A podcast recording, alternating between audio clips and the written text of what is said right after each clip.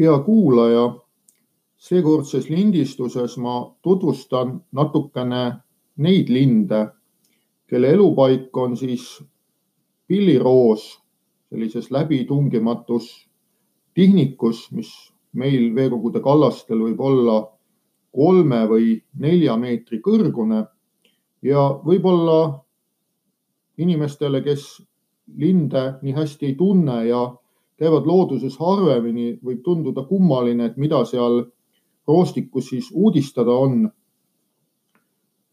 näha pole seal esmapilgul ju suurt midagi, lihtsalt kollane roog, mis kõigub tuule käes.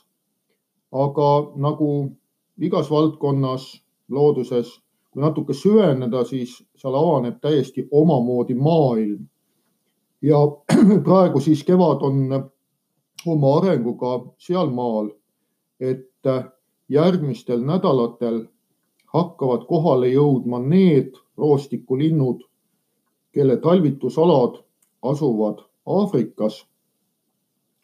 ja esimesed neist on juba kohale jõudnud, näiteks rooritsiklind, kes teeb siis sellist häälitsust, mis meenutab rohutirtsu siristamist ja see katkematu sirin võib siis kesta minuti või isegi kauem.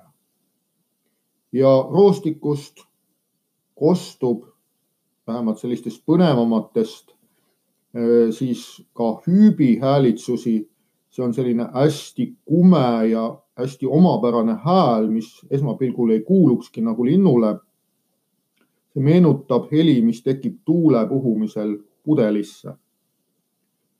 ja mai alguses saabuvad meile siis ka roolinnud, et roolindudel kõigil on erinev häälitsus. et see meenutab siis sellist valju jutuvada. ja kui nüüd otsida seda kohta, kuhu minna, seda öist kontserti kuulama siis äh, tasub valida selline veekogu, mille ääres on suurem roostik, et kus on äh, siis rooriba ka vees, et selline märg roostik on alati elurikkam kui siis selline kuival maal olev roostik. ja no Tallinna inimestel tasub minna siis kindlasti Paljassaare poolsaarele, et seal on siis Tallinna linn loonud küllalt hea võimaluse nende lindude tundmaõppimiseks, seal on olemas siis linnutorn ja sealt linnutornist on võimalik siis neid roostikulinde päevasel ajal näha ja, ja õhtuti ja hommikuti siis ka kuulda. ja neid roolinde kuuleb väga hästi siis ka Läänemaal Matsalu rahvuspargis ja loomulikult siis ka meie juures silmalooduskaitsealal, et need on ühed kõige esinduslikumad roostikud Eestis. ja kellaajaliselt tasub siis äh, seda roolindude kontserti kuulama minna äh, paar tundi enne seda, kui päike siis silmapiiri taha langeb.